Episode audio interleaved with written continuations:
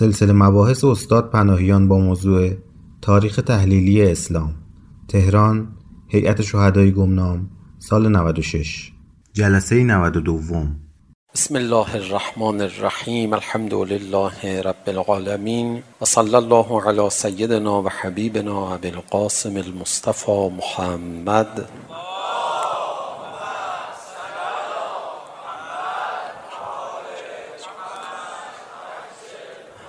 وآله الطيبين الطاهرين المعصومين لا سيما بقية الله في الأراضين روحي وأرواح العالمين له الفداء واللعن الدائم على أعدائهم أجمعين إلى قيام يوم الدين رب اشرح لي صدري ويسر لي أمري واحلل عقدة من لساني يفقهوا قولي ما در این دو ماه اخیر در جلسات این هیئت محترم درباره آزار و اذیت هایی که رسول گرامی اسلام تحمل کردن صحبت کرد. آیات فراوانی در قرآن یعنی متعدد نه فراوان معنای اکثر. آیات متعددی در قرآن کریم نسبت به آزردگی های پیامبر اکرم مطالب خیلی روشن و واضحی رو خداوند متعال بیان فرمودن هم نسبت به اذیت هایی که به پیغمبر میکردن کافران و هم نسبت به اذیت ها و آزار هایی که منافقان میرسوندن هم نسبت به آزار و اذیت هایی که با زبان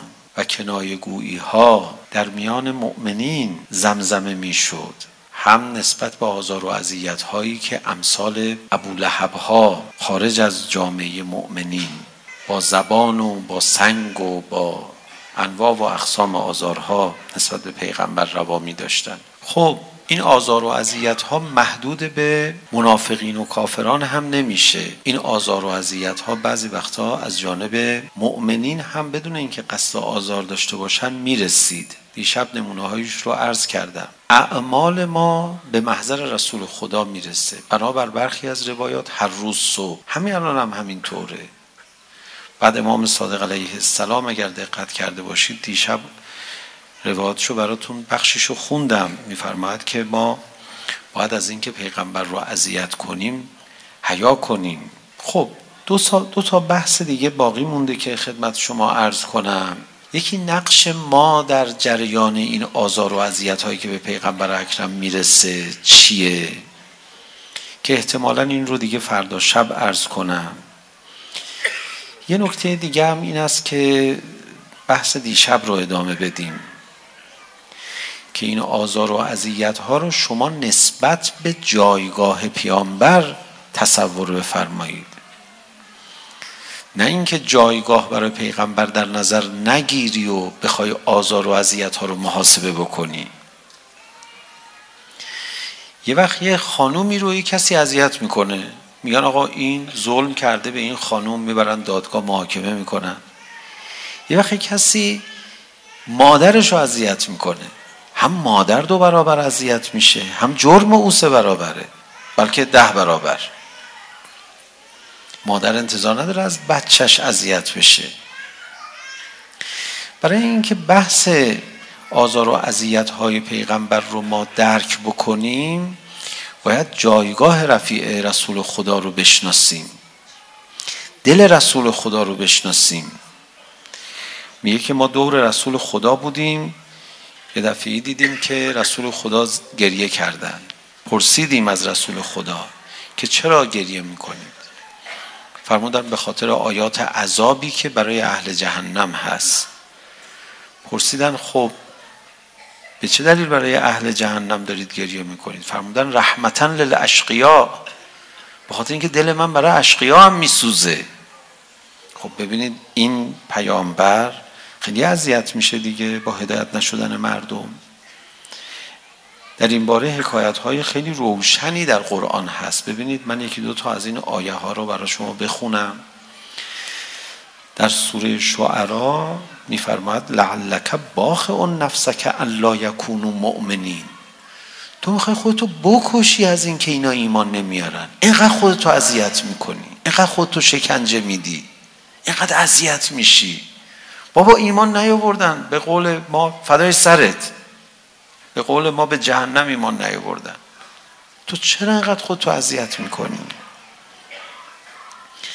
بعد دلداری میده پیامبرش رو میفرماد ان نشأ ننزل علیهم من السماء آیه فضلت اعناقهم لها خاضعین ما اگه میخواستیم اینا ایمان بیارن که کاری برای ما نداشت. یه نشانه ای از آسمان میفرستادیم. اینا گردناشون خاضعانه خم میشد.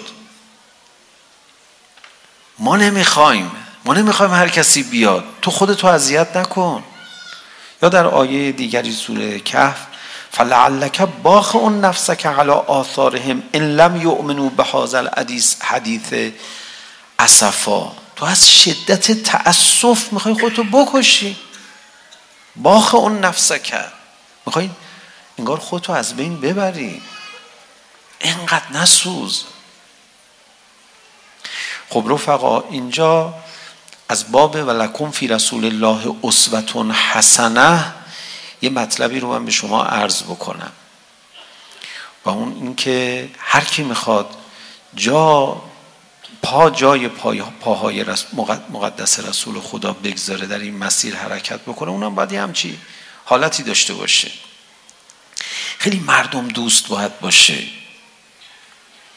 گاهی از اوقات دوستان طلبه از من میپرسن. سر پای میگن رمز موفقیت یک طلبه در تبلیغ چیه؟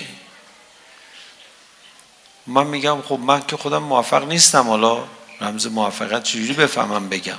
میگن حالا بگو دیگه. میگم حالا بنزه فهم خودم این رمز رو میگم یک کلمه. همیشه سالهاست همینو میگم. همین یه جمله رو میگم.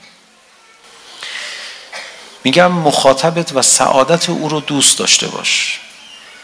موفق میشه به فکر موفقیت نباش به فکر سعادت اون باش بتونی برای عدم سعادت او قصه بخوری این تو رو موفق میکنه ولی به فکر موفقیت خودت باشی کارت بگیره حالا دیگه به گرفتن و نگرفتنش کاری ندارم ممکنه بگیره ممکنه نگیره بگیره بی فایده میگیره نگیره هم که نگرفته ولی اگر شما سعادت مخاطبت رو علاقه داشته باشی به شهرتش هم بازم کاری ندارم نفست به هر کی بخوره درست میشه. به خیلی هم نفست نخوره. تو اون شهر زندگی بکنی مردم آباد میشن به واسطه حضور شما.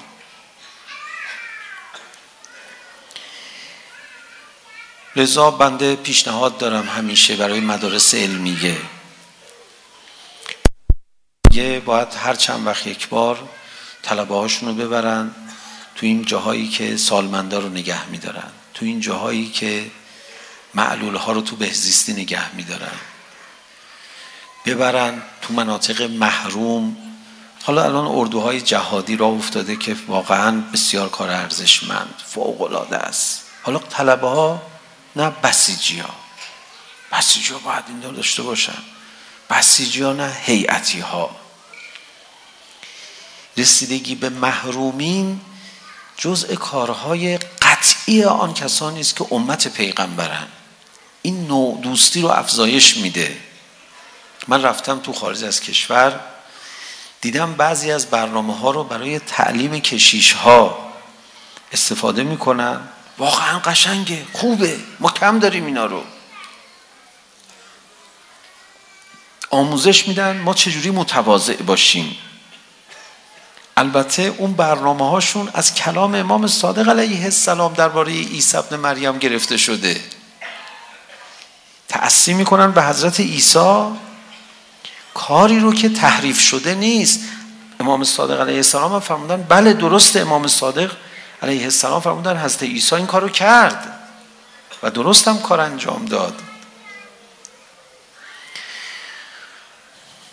که مثلا حضرت عیسی ابن مریم یه بار حواریون رو نشون گفت من میخوام پاهای شما رو بشورم. هیچ کی تکون نخوره از جاش.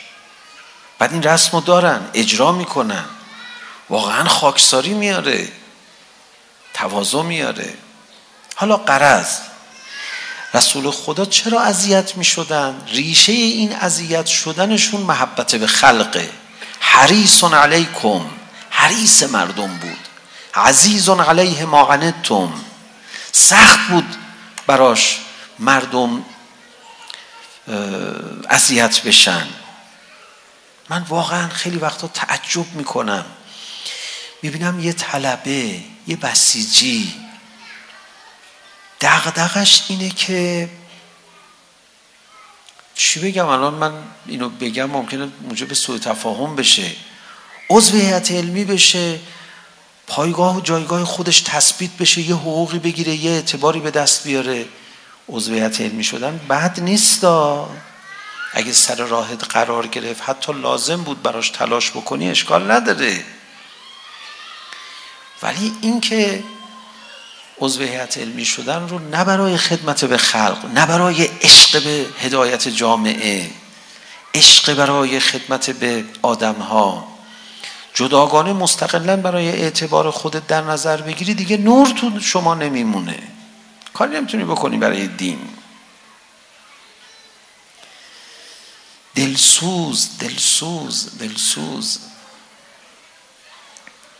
این دلسوزی پیامبر اکرمه که موجب اذیت شدن او میشه. ببینید این آیات قرآن رو غیر از این آیات هم هست که از آزردگی پیامبر اکرم حکایت میکنه وقتی مردم گناه بکنن وقتی مردم هدایت نشن. ما نتونستیم اینو منتقل بکنیم. ما در تعلیمات دینی خودمون مهربانی پیغمبر اکرم رو شدتش رو نتونستیم بیان کنیم. بچه مدرسه یامون اونجوری که باید و شاید از رسول خدا این برداشت و تلقی رو ندارن. خیلی باید تحول پیدا کنه آموزش دین در جامعه ما. متاسفانه اینجوری نیست. بنده که حالا نظرم ملاک نیست ولی به سهم خودم وقتی روند جاری آموزش دین و تبلیغ دین رو نگاه میکنم احساس میکنم که اینها اثرش اینه که مردم ضد دین بار بیان. نه کم متدین بشن بیدین بشن من تلقی میدم حالا شاید تحلیل من اشتباهه حرفای غلطی نمی نویسم تو این کتابه ها ولی حرفایی که برداشت درست در نهایت منتقل نمی کنه بعضی از آیات کلیدی قرآن رو دوازده سال تو مدرسه درس خونده به گوشش نخورده دانش آموز خب پیامبر گرامی اسلام آزرد خاطر میشن اعمال ما رو ببینن. پیامبر گرامی اسلام اذیت میشن حتی کسی ایمان نیاره اذیت میشن مؤمن گناه بکنه چه جوری اذیت میشن دیگه بدتر.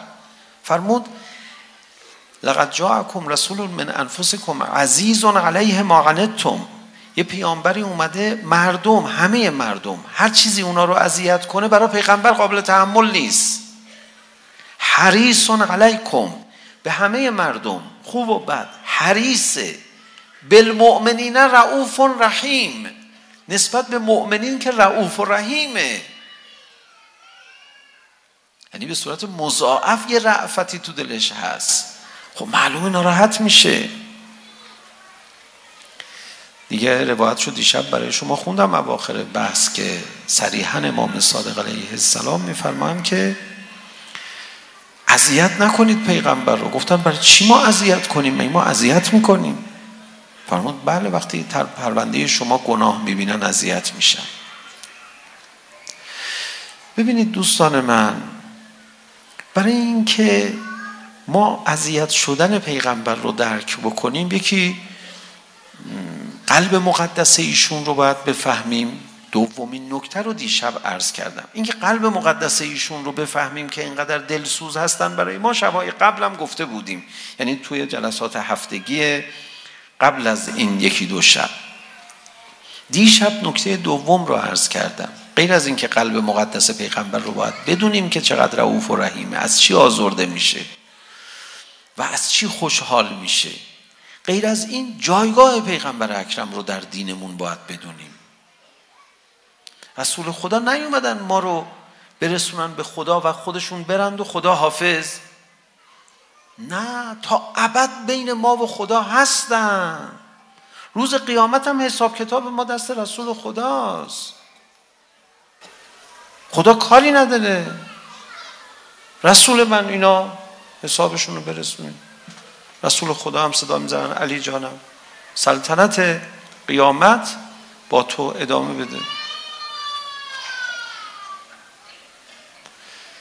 خیلی این بحث حساسیه حالا این بحث دوم که دیشب در واقع شروع کردیم و یک کمی ادامه بدم تتمه امشبش رو با شما در میون بگذارم جایگاه رسول خدا کجاست در دین یه مقدار عمیق باید بهش نگاه بکنیم انگار دین خلاصه شده. در امتحان ما برای رابطه با پیغمبر همه بقیهش فرعه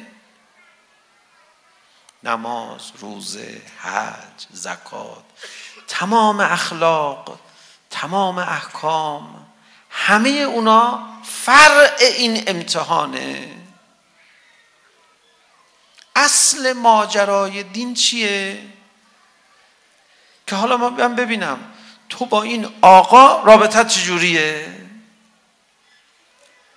دو تا دلیل خلاصه براتون بیارم. ابلیس اصل امتحانش این بود که به آدم سجده کن یا نه. 6000 سال نمازش در نظر گرفته نشد. قابیل اصل امتحانش این بود نظرت نسبت به حابیل چیه؟ حابیل رو کشت.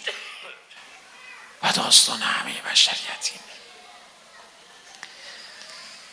من واقعا از شما سوال میکنم. الان توی تبلیغات دینی ما حالا جداگانه اگه سوال کنم بهتره.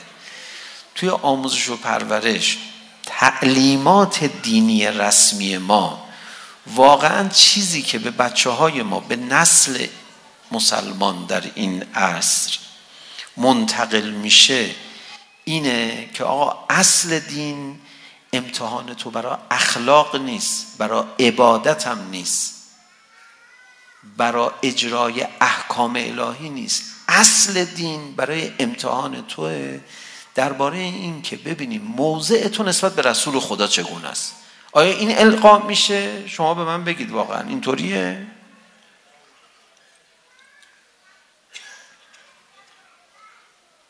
اشتباه دیگه انگار ما دین داریم و دین اینه که ما و خدا این وسط از رسول خدا هم یه تشکری میکنیم من واقعا از شما ممنونم شما لطف کردید ما رو آشنا کردید و خیلی ممنون خدا حافظ شما امری فرمایشی نیست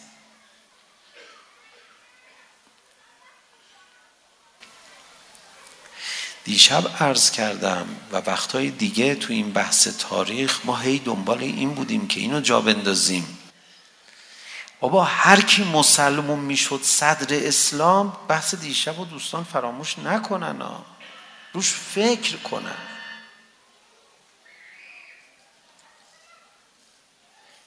بحث دیشب و روش فکر کنید. از من نشنیده بگیرید. به عنوان یه مسئله ذهنی.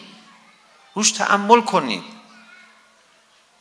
هر کی صدر اسلام مسلمون میشد مهمترین تکلیفش دفاع از شخص پیغمبر بود ما اینو تو انقلابمون تجربه نکردیم جز تو مقطع 15 خرداد ما با دشمن خودمون جنگیدیم تو دفاع مقدس با دشمن میهن با رژیم ستمشاهی بازم دشمن این مملکت که داشت میفروخت و فروخته بود مملکت رو مقابله کردیم ما برای دشمنان حضرت امام که میخواستن مثلا امام رو بکشن نرفتیم مقابله بکنیم اصلا شبیه زمان پیغمبر نیست اوزا خیلی اون زمان سختتر بود مردم مدینه 72 نفر مسلمان شدن اومدن گفتن یا رسول الله ما آماده ایم از شما دفاع کنیم حضرت قرارداد رو نوشتن حاضرید از خودتون مالتون و بچه هاتون بگذارید به خاطر من بنویسید اینجا تا امرنشم بیا هر کی مسلمون میشد باید فدای پیغمبر میشد. چرا خدا این شرایط رو ایجاد کرد؟ تصادفی بود؟ از دست در رفته بود؟ به خاطر شرایط خاصی بود که دیگه دیگه چاره ای نبود و خدا هم میگفت حالا دیگه اینجوری شده دیگه. یا نه این حکایتی داره فلسفه ای داره حکمتی داره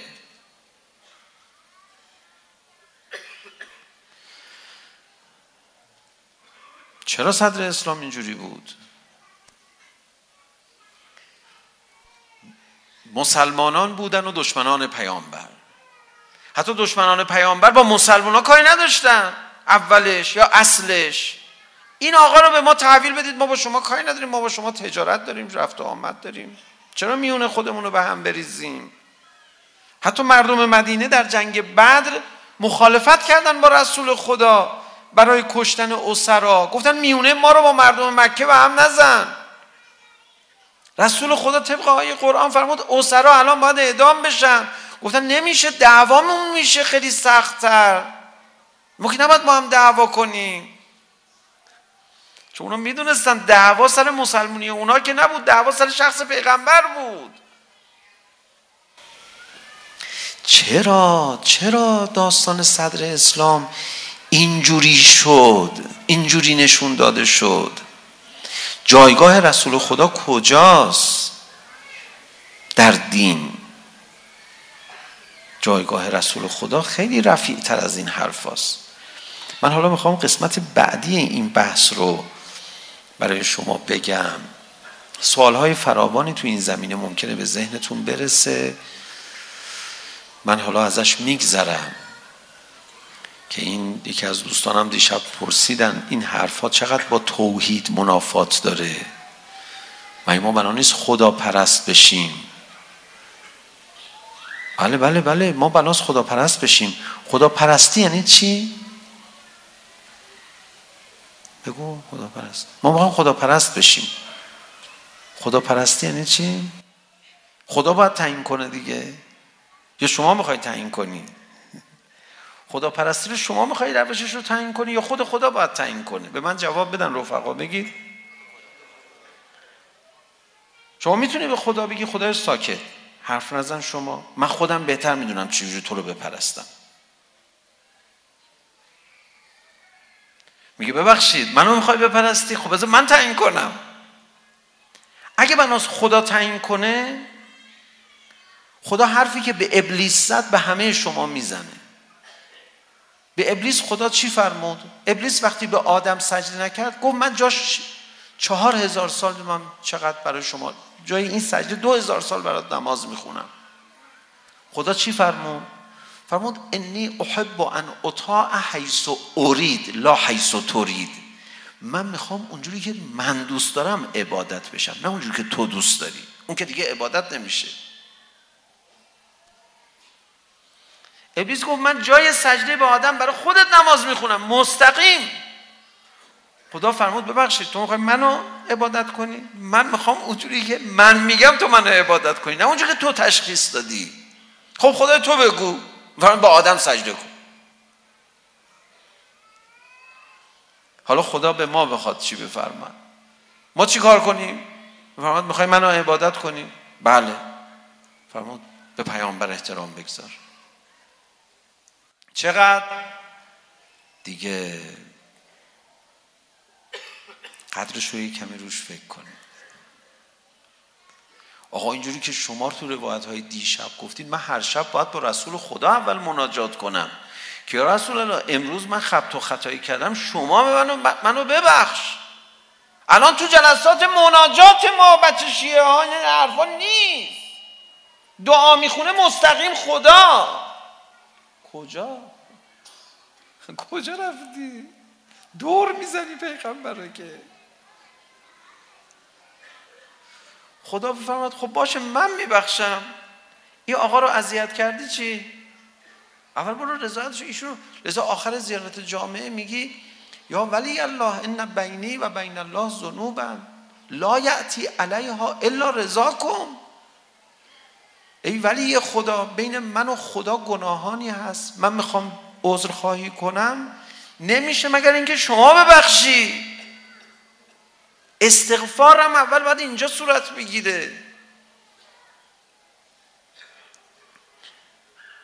مثلا مامانشو اذیت کرده هی میره در خونه خدا میگه خدا ببخشید. خدا به اینجا چرا اومدی؟ اون مامان تو برو راضی کن. اون حق به گردن تو داره. اون اذیت شد از دست تو. رسول خدا اومد بالا سر یه جوانی داشت لال از دنیا میرفت. نمیتونست. آقا فرمود مادر داره ایشون؟ گفتن آره. فرمود مادرش رو بگید بیاد. مادر ازش ناراضی؟ به خاطر من ازش راضی شد. تا مادره راضی نشد زبون بچه باز نشد. کجا داری میری؟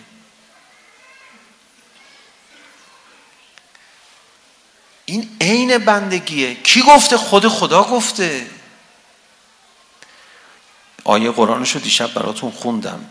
از ذروح و وقروح و شما باید پیامبر رو دفاع کنید ازش و احترام بهش بگذارید. امام زمان ما بیاد همه تکلیف ما روشن میشه. ما دیگه دینمون خلاصه میشه در یک نقطه مرکزی البته نکات نقاط پیرامونی هم داره ابی نداره نماز و روزه و اینا هم حالا برقراره اونا هم درسته لازمه چون ایشون دستور دادن و اینا و اینا ولی نقطه کانونی دین میشه چی آ ما میخوایم از شما دفاع کنیم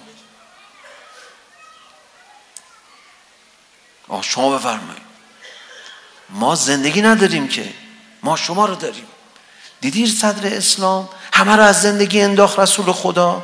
به خاطر دفاع من بلند شید بیاد هجرت کنید بیاید مدینه. آقا خونه زندگی نداریم. خونه زندگی میخواید چیکار تو مسلمون شدی که پیغمبر دفاع کنی. من روک و پوزکنده شده رب بگم اینو نمی نویسن اینجوری میترسن بنویسن. میترسن بنویسن مردم یه وقت از دین فراری بشن. در حالی که این فراری نمیکنه تکلیف عمل روشن میکنه علکی کسی دیگه به سمت دین نمیاد بعد اونها هم که میان عاشقانه و عارفانه میان بعد اونایی که تو مدینه هستن خونه هاشون رو با اینایی که اومدن قسمت کنن دیگه آقا ما از زندگی میافتیم ما اومدیم دیندار بشیم شما ما رو پاک از زندگی زندگی میخواید چیکار من شما دیندار نشدی مسئله اولت فعلا دفاع از پیغمبره جایگاه پیغمبر اینجاست. دو تا آیه قرآن درباره جایگاه پیغمبر بخونم براتون. آیه اول رو همه بلدید. ان الله و ملائکته یصلون علی النبی. خدا و ملائکش داره یاد میده خدا. مستحب این آیه بعد از تعقیبات نماز نمازها خونده بشه. و بعد اون تعداد صلواتی که میفرستن این جزء مستحبات میدونید حتما روایت. ان الله و ملائکته یصلون علی النبی.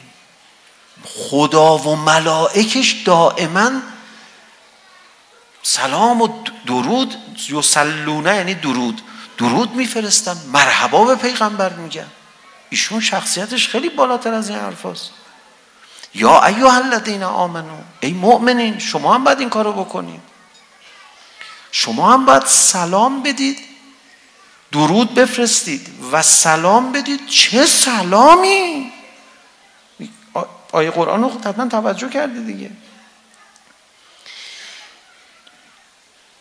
و یسلمو تسلیما تسلیما یعنی یه درست حسابی باید سلام بدید این آیه قرآن رو ببینید.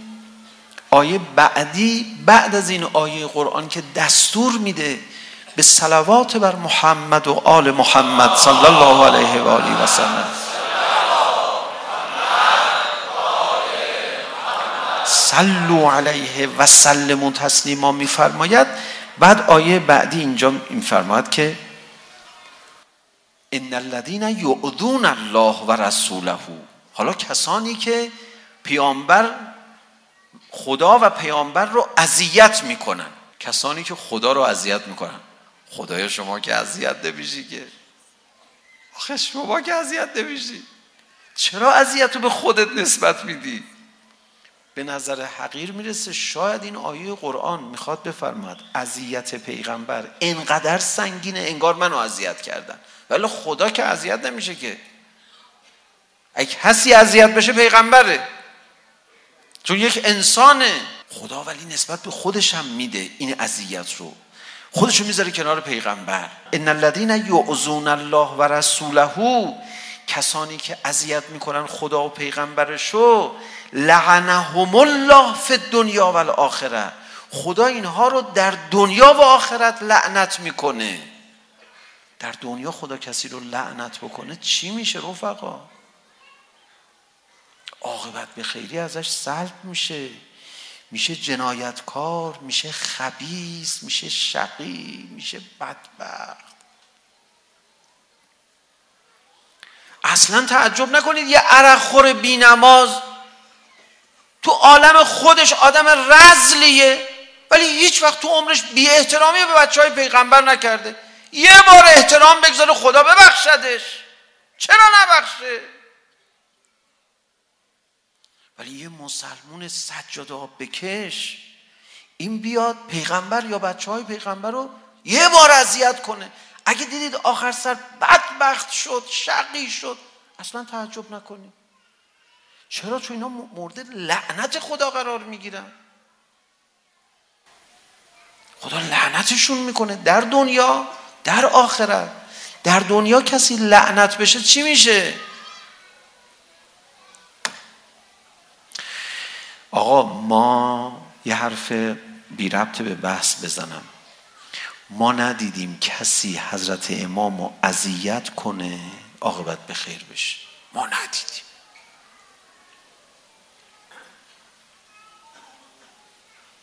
علکیه اکای دلت بخواد بکنی بری تو دنیا خدا آبرو آبروشو برده ذلیل کرده کارایی کرده که اگه بهش میگفتی یه زمانی از تعجب شاخ در می آورد اذیت کرده. همین آقای امام خودمون امام که مثل امام زمان که نیست که نعوذ بالله از این مقایسه. یک عالم دینیه یک رهبر دینیه یک عارف بالله. بالاخره حضرت امام چه جایگاهش؟ هر تعریفی که داری براش. اذیت بکنی بعد قصر در بری. خدا تا زلیل لعنت خدا تو دنیا شامل حالت شده. کجا؟ لعنهم الله فی الدنیا و الاخره و اعد لهم عذابا مهینا غیر از لعنت خدا آماده کرده برای اونها عذاب مهین عذاب هولناک. ان الله وملائكته يصلون على النبي درسته آیه بعدی ان الذين يؤذون الله و رسوله این دو تا رو کنار هم ببینید جایگاه پیغمبر معلوم میشه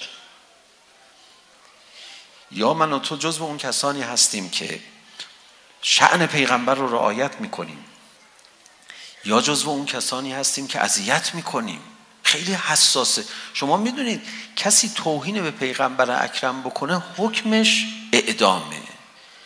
از باب همین بود که حکم سلمان رشدی رو حضرت امام اعلام کرد. هر کی تو دنیا تونست گیر بیاره او رو او رو به قتل برسونه. و چه حکمی بود واقعا؟ هویت داد به امت اسلامی. از قربت اسلام رو در آورد. به پیغمبر چرا توهین میکنیم پیامبر اکرم در فتح مکه همه رو بخشید. قاتل حمزه عموی خودش سید الشهدای مدینه رو بخشید. ولی فرمود اون دو سه نفری که شعر میخوندن و مسخره میکردن پیغمبر رو به خانه کعبه آویخته شدن به قتل برسونید.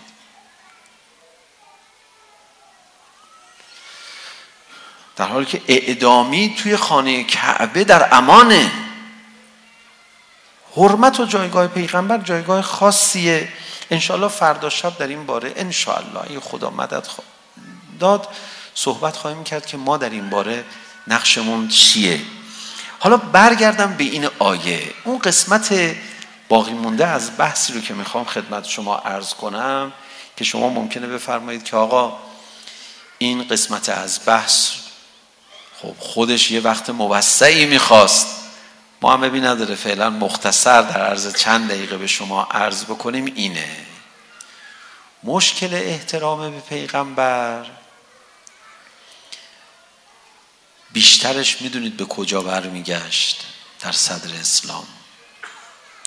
اینکه پیامبر اکرم احترام به خودش رو فقط نمیخواست. از همون اول احترام به خودش رو اضافه کرد. پیوند زد به احترام اهل بیتش رسما اعلام کرد یالا هر کی منو دوست داره علی منو باید دوست داشته باشه هر کی منو دوست داره فاطمه منو باید دوست داشته باشه هر کی منو دوست داره حسن این رو باید دوست داشته باشه من خیلی ساده به شما بگم یا رسول الله این مردم به زور تا اینجا اومدن که برای خود شما احترام قائل بشن اینو میگی کفرشون در میادا انگار ایشون از جانب خداوند متعال دستور داشتن که کفر مردم رو در بیارن چقدر باید توضیح بدم اینو براتون؟ ببینید شما براتون قابل دفاع این رفتار پیغمبر اکرم. توی وضع عادی نگاه کنی نه الان که در اوج ایمان به رسول خدا میخوای تحلیل کنی مسائل رو. مسجد ساختن. مسلمان ها اطراف مسجد خونه ساختن. مسجد ساختن مسجد ها مثل الان که در و دیوار داشته باشه نیست. مدینه یه فضایی داره که فضای بازش معمولا بیشتر استفاده میشه. نه زمستون آنچنان سردی داره و هم تابستوناش دیوار که نمیشه گذاشت که. باید یه دونه سایبون فقط گذاشت. دیوار آنچنان نمیخواد مثل اینجاها که الان میبینید تو ایران با این هوایی که تو ایران داره محصور میشه همه چی. الان هم البته محصور کردن به خاطر کولرهای گازی و این سیستم های تهویه‌ای جدیده. ولی فضای مدینه فضای بازش فضای مطلوبه و اون زمان هم مسجد ساختن همش فضای باز بود. در واقع یه حیات ساختن به عنوان مسجد.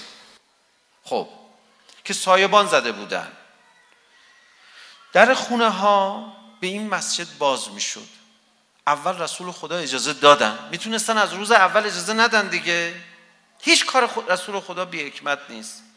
ولی رسول خدا یه پیام خیلی مشخصی رو میخوان اعلام کنن. بعد از چند روز بعد از مدتی فرمودن که همه درها به مسجد بسته بشه جز در خانه من و علی ابن ابی طالب. آقا تا نگفتن علی ابن ابی طالب بعضیا در چهرهشون معلوم شد. آقا این تبعیض چی آقا یعنی چی حالا باشه شما حرفی نداریم از همونجا رسول خدا صدا میزد علی از منه من از علی هستم حتی همونجا که ناراحت شدن فرمود هر کی نمیپسنده بلند شه بره کجا رو نشون دادن شام رو نشون دادن که اگر نمیپسندی برو از مملکت اسلامی خارج بشو یا رسول الله اینا خودشونو کشتن به اینجا رسیدن که به شما احترام بگذارن بلا فاصله همه این احترام انصافا خیلی ها کفرشون در می اومد و در بیاد به جهنم که در اومد اصلا داستان همین بوده جالبه تو پیمان عقبه دوم که موجب هجرت رسول خدا شد تو اونجا یه بند قرار داد اینه که میفرماید از من و بچه های من دفاع کنید. بعدا فاطمه زهرا سلام الله علیها به این پیمان تو مسجد پیامبر بعد از رحلت رسول خدا اشاره کرد و فرمود سران مهاجرین و انصار سران انصار به ویژه شما که بیعت کردید با پیغمبر که از بچه‌هاش دفاع کنید من دختر پیغمبرم. بلند شید از حق من دفاع کنید. یک نفر بلند نشد دفاع کنه. که اینجا بود حضرت زهرای اطهر رفتن خانه صدا زدن کاش مرده بودم این صحنه رو نمیدیدم.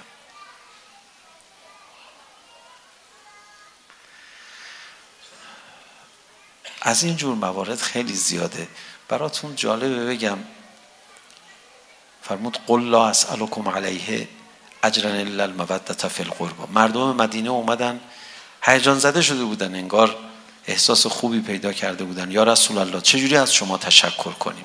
رسول خدا طبق معمول فرمود از خدا میپرسم بهتون میگم. یعنی نه اینکه بپرسم یعنی من صبر میکنم خدا هر چه فرمود. وقت آیه نازل شد. پیامبر بگو همون حرف رو بگو که اینا نقطه قانونی امتحانشونه. آیه نازل شد قل لا اسالکم علیه اجرا. من از شما پاداش نمیخوام تشکر نمیخوام. الا الموده فی القربان مگر اینکه ذوال قربای منو که اونا میفهمیدن کیا هستن. علی و فاطمه و حسن این علیه مالاف و تحییت رسم مگر اینکه بچهای منو دوست داشته باشه اینقدر فشار روشون اومد تو جلسه تو روایت نوشته. اخماشون رفت تو هم بلند شدن از مسجد برن بیرون تو راه یکیشون به دیگری گفت نعوذ بالله زبانم لال. پیغمبر دروغ میگه این آیه نبود. این داره هی ما رو اسیر بچه های خودش میکنه. به تعبیر خیلی ساده تر این پارتی بازی پیغمبر رو نمیتونیم تحمل کنیم. آیه بعدی نازل شد رسول من بهشون صدا بزن بگو بیان.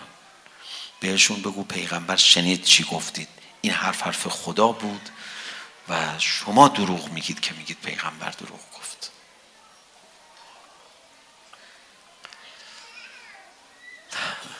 خیلی عجیبه. من خیلی دوست دارم به این امتحانهای خدا فکر کنم. چیکار داری میکنی خدا؟ بابا این احترام یه نفر رو تموم شد دیگه. باشه پذیرفتیم. به هر بدبختی بود پذیرفتیم. میفرماد نه ادامه داره ماجرا. لذا همون ذکر سلوات رو ببینید. فرمود اگر کسی نام من رو بشنوه سلوات نفرسته به من جفا کرده. اگر کسی به من صلوات بفرسته به بچه های من به اهل بیت من درود نفرسته به من جفا کرده. حالا دیگه بگذاریم از این که این سلسله ادامه داره به شیعیان هم کشیده میشه. شما فکر نکنید ما تعصب خاصی سر حزب اللهیگری داریم و بحث ولایت فقیه. حالا ما که مقدار ارادت و اعتقادمون رو هم در معارف اجتماعی هم در معارف معنوی نسبت به ولایت فقیه که نگفتیم که تا حالا که چقدره ولی شما بدونید این بحث احترام به ولی خدا ستاره دنباله داری است که به مؤمنین معمولی هم کشیده میشه ها جرأت داری به یک مؤمنی که محب به اهل بیت بی احترام میکن ببین کلات پس معرکه میفته حالا برگردیم به این آیه قرآن همین آیه ای که این آیه ای که میفرماد کسانی که پیغمبر رو اذیت میکنن. ابن عباس میگه. ابن عباس میگه این آیه میدونید در مورد کیا نازل شد؟ کسانی که خدا و رسولش رو اذیت میکنن. این آیه برای این نازل شد. بعضیا اینو گفتن. الان همه آمادگی دارن از نظر ذهنی که این قسمت روایت رو از ابن عباس بشنون درباره شأن نزول این آیه. بله؟ میخوام چند دقیقه ها اگه بتونم سکوت کنم شما روش فکر کنید. میخوام فضای مدینه دستتون بیاد. دقت کنید. انگار روزنامه های اون زمان رو داری میخونی. میخوام حرف افکار عمومی رو به شما بگم. ابن عباس چی میگه؟ میفرماید که این آیه قرآن که ان الذين يؤذون الله و رسوله لعنهم الله فی دنیا ول آخره میدونید چی شد نازل شد چون مردم مدینه بعضیاشون اینو میگفتن ذالک حين قال المنافقین قال المنافقون منافقین تو مدینه میدونید چی گفتن گفتن ان محمدن صلی الله علیه و آله و سلم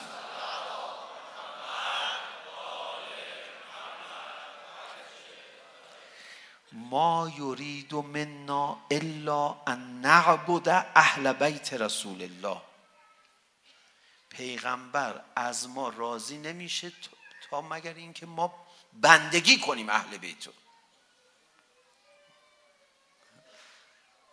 چه برداشتی کردن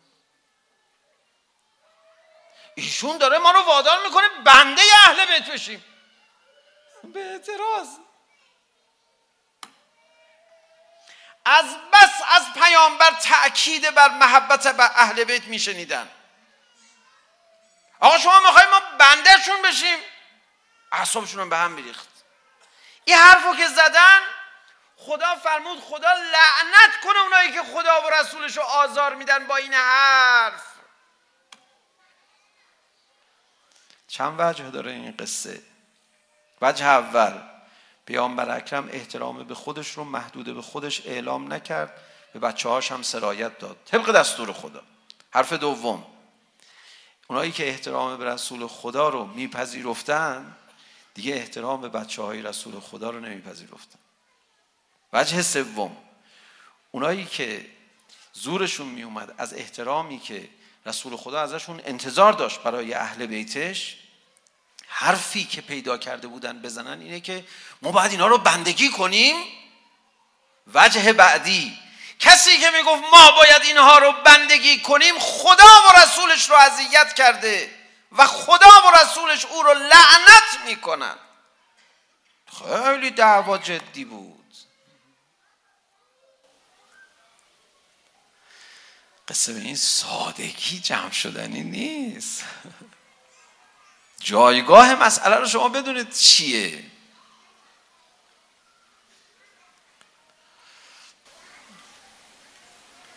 خیلی خدا رو شکر کنید ما اهل بیتی بار اومدیم.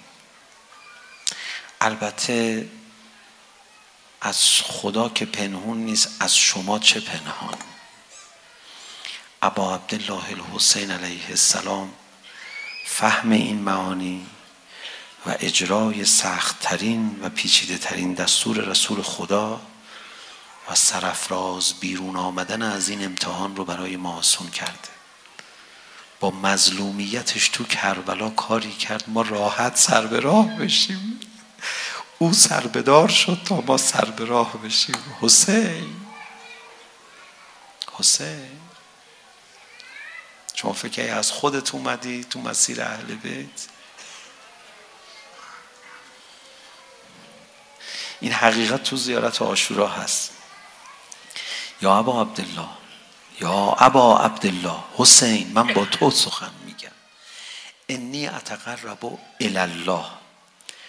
من میخوام به خدا نزدیک بشم و الی رسوله و الی امیر المؤمنین و الی فاطمه و الی الحسن و الیک.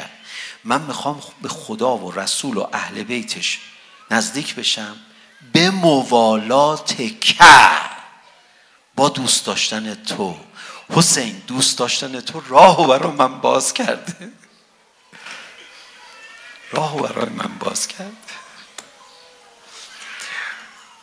و حسین دوست داشتن خودش رو چجوری در قلب ما باز کرد سر بریدش رو داد دست زینبش زینبم ببر بگردون هر چند تو خرابه بنشینی امشب شب روزه امام حسن مجتبی علیه السلام. چقدر خوب احترام گذاشتن به بچه های پیغمبر. اولا از اهل بیت پیغمبر قبر فاطمه زهرا که مخفی قبر امیر المؤمنین که مخفی. اولین تشییع جنازه علنی در اهل بیت داره صورت میگیره بدن امام حسن مجتبی علیه السلام تو شهر مدینه تیرباران کردن. باور میکنید کسی که سرش رو سینه پیغمبر بود پیغمبر جان داد. امام حسن امام حسن. بغلش میگرفت رو کول خودش میگذاشت رسول خدا. اینقدر بهش علاقه نشون میداد. و اینقدر شباهت به رسول الله داشت امام حسن مجتبی که حد نداره. باهاش چیکار کردن؟ عقد گشایی کردن. امام حسن مجتبی چیزی نمیخواست. پاره تن پیغمبر به فرموده پیغمبره. اومدن بدن امام حسن مجتبی رو ببرن کنار قبر پیغمبر به خاک بسپرن. مرسوم بود. نمیشه کامل روزه امام حسن مجتبی رو توضیح داد میدونید آخر سر شما فکر نکنید بدن متحر ما مثلا مشتبه رو بردن زیارت قبرستان بقی. نه کاش می بردن قبرستان بقی. می گفتیم درجه بی احترامی اینقدر بود. بردن منزل یکی از بنی هاشم که نزدیک قبرستان بقی بود. اونجا به خاک سپردن توی خونه که ازش محافظت کنن. خونه در داره. دیوار داره. خونه از توش زندگی میکنن خونه خودشونه. تو خانه خودشون به خاک سپردن. بعد امامان دیگر رو هم کنار امام حسن مجتبی بعدها مزار درست کردن و زیارتگاه درست کردن. کنار قبرستان بقی بود. این وهابیت ملعون اومدن با خاک یکسان کردن و متصلش کردن به بقی. به عنوان قبرستان عمومی باید قبرستان عمومی نه اصلا این جزو قبرستان نیست. این خانه بنی هاشمه یا رسول الله بچه ها تو تو خانه ها به خاک میسپرن نه تو محیط عمومی. ما جبران میکنیم یا رسول الله. اخیرا راه افتادیم کربلا داریم اربعین میریم یه کمی شلوغش میکنیم انشالله جبران میکنیم حالا اولش یه روز این جمعیت راه میفته تو بیابون حجاز. میخوان جبران کنن. اربعین رفتن کربلا بعدش هم ده روز برن تا بقی به به چه خواهد شد؟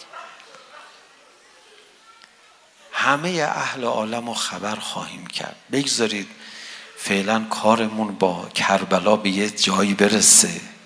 همه خانه ها از کربلا خبر داشته باشن.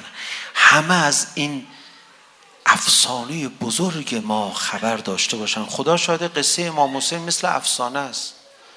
و هر کسی تو دنیا بگی که بچه یه پیغمبری رو اینجوری با لب تشنه به شهادت رسوندن. قبول نمی نمیکنه. قبول نمی نمیکنن ازت. واقعا. مردم دنیا ظرفیت ندارن. ما روزه کوچه بنی هاشم هم براشون بخونیم. فعلا باید کم کم مردم به دنیا رو آماده کنیم یبنال حسن بقیه روزه ها باشه وقتی شما اومدی مدینه اون زمان بقیه روزه ها رو بر زبان جاری کنیم اصلا امام حسن بچه پیغمبر نیست آیا سفرهدار مدینه نبوده همه شما محرم زونا وقتای دیگه سر سفرش ننشستین کریم مدینه نبوده امام حسن مجتبا کاری با شما داشته هر گرفتاری تو مدینه می اومد آدرس خونه امام حسن مجتبا رو بهش نمی دادی یتیمای مدینه که امام حسن نان و خورما رو دوشش میگذاشت کجان وقت باید با بدن متحر امام حسن اینجوری برخورد کنید علا لعنت الله علی القوم الظالمون بیان معنوی نقطه آی آر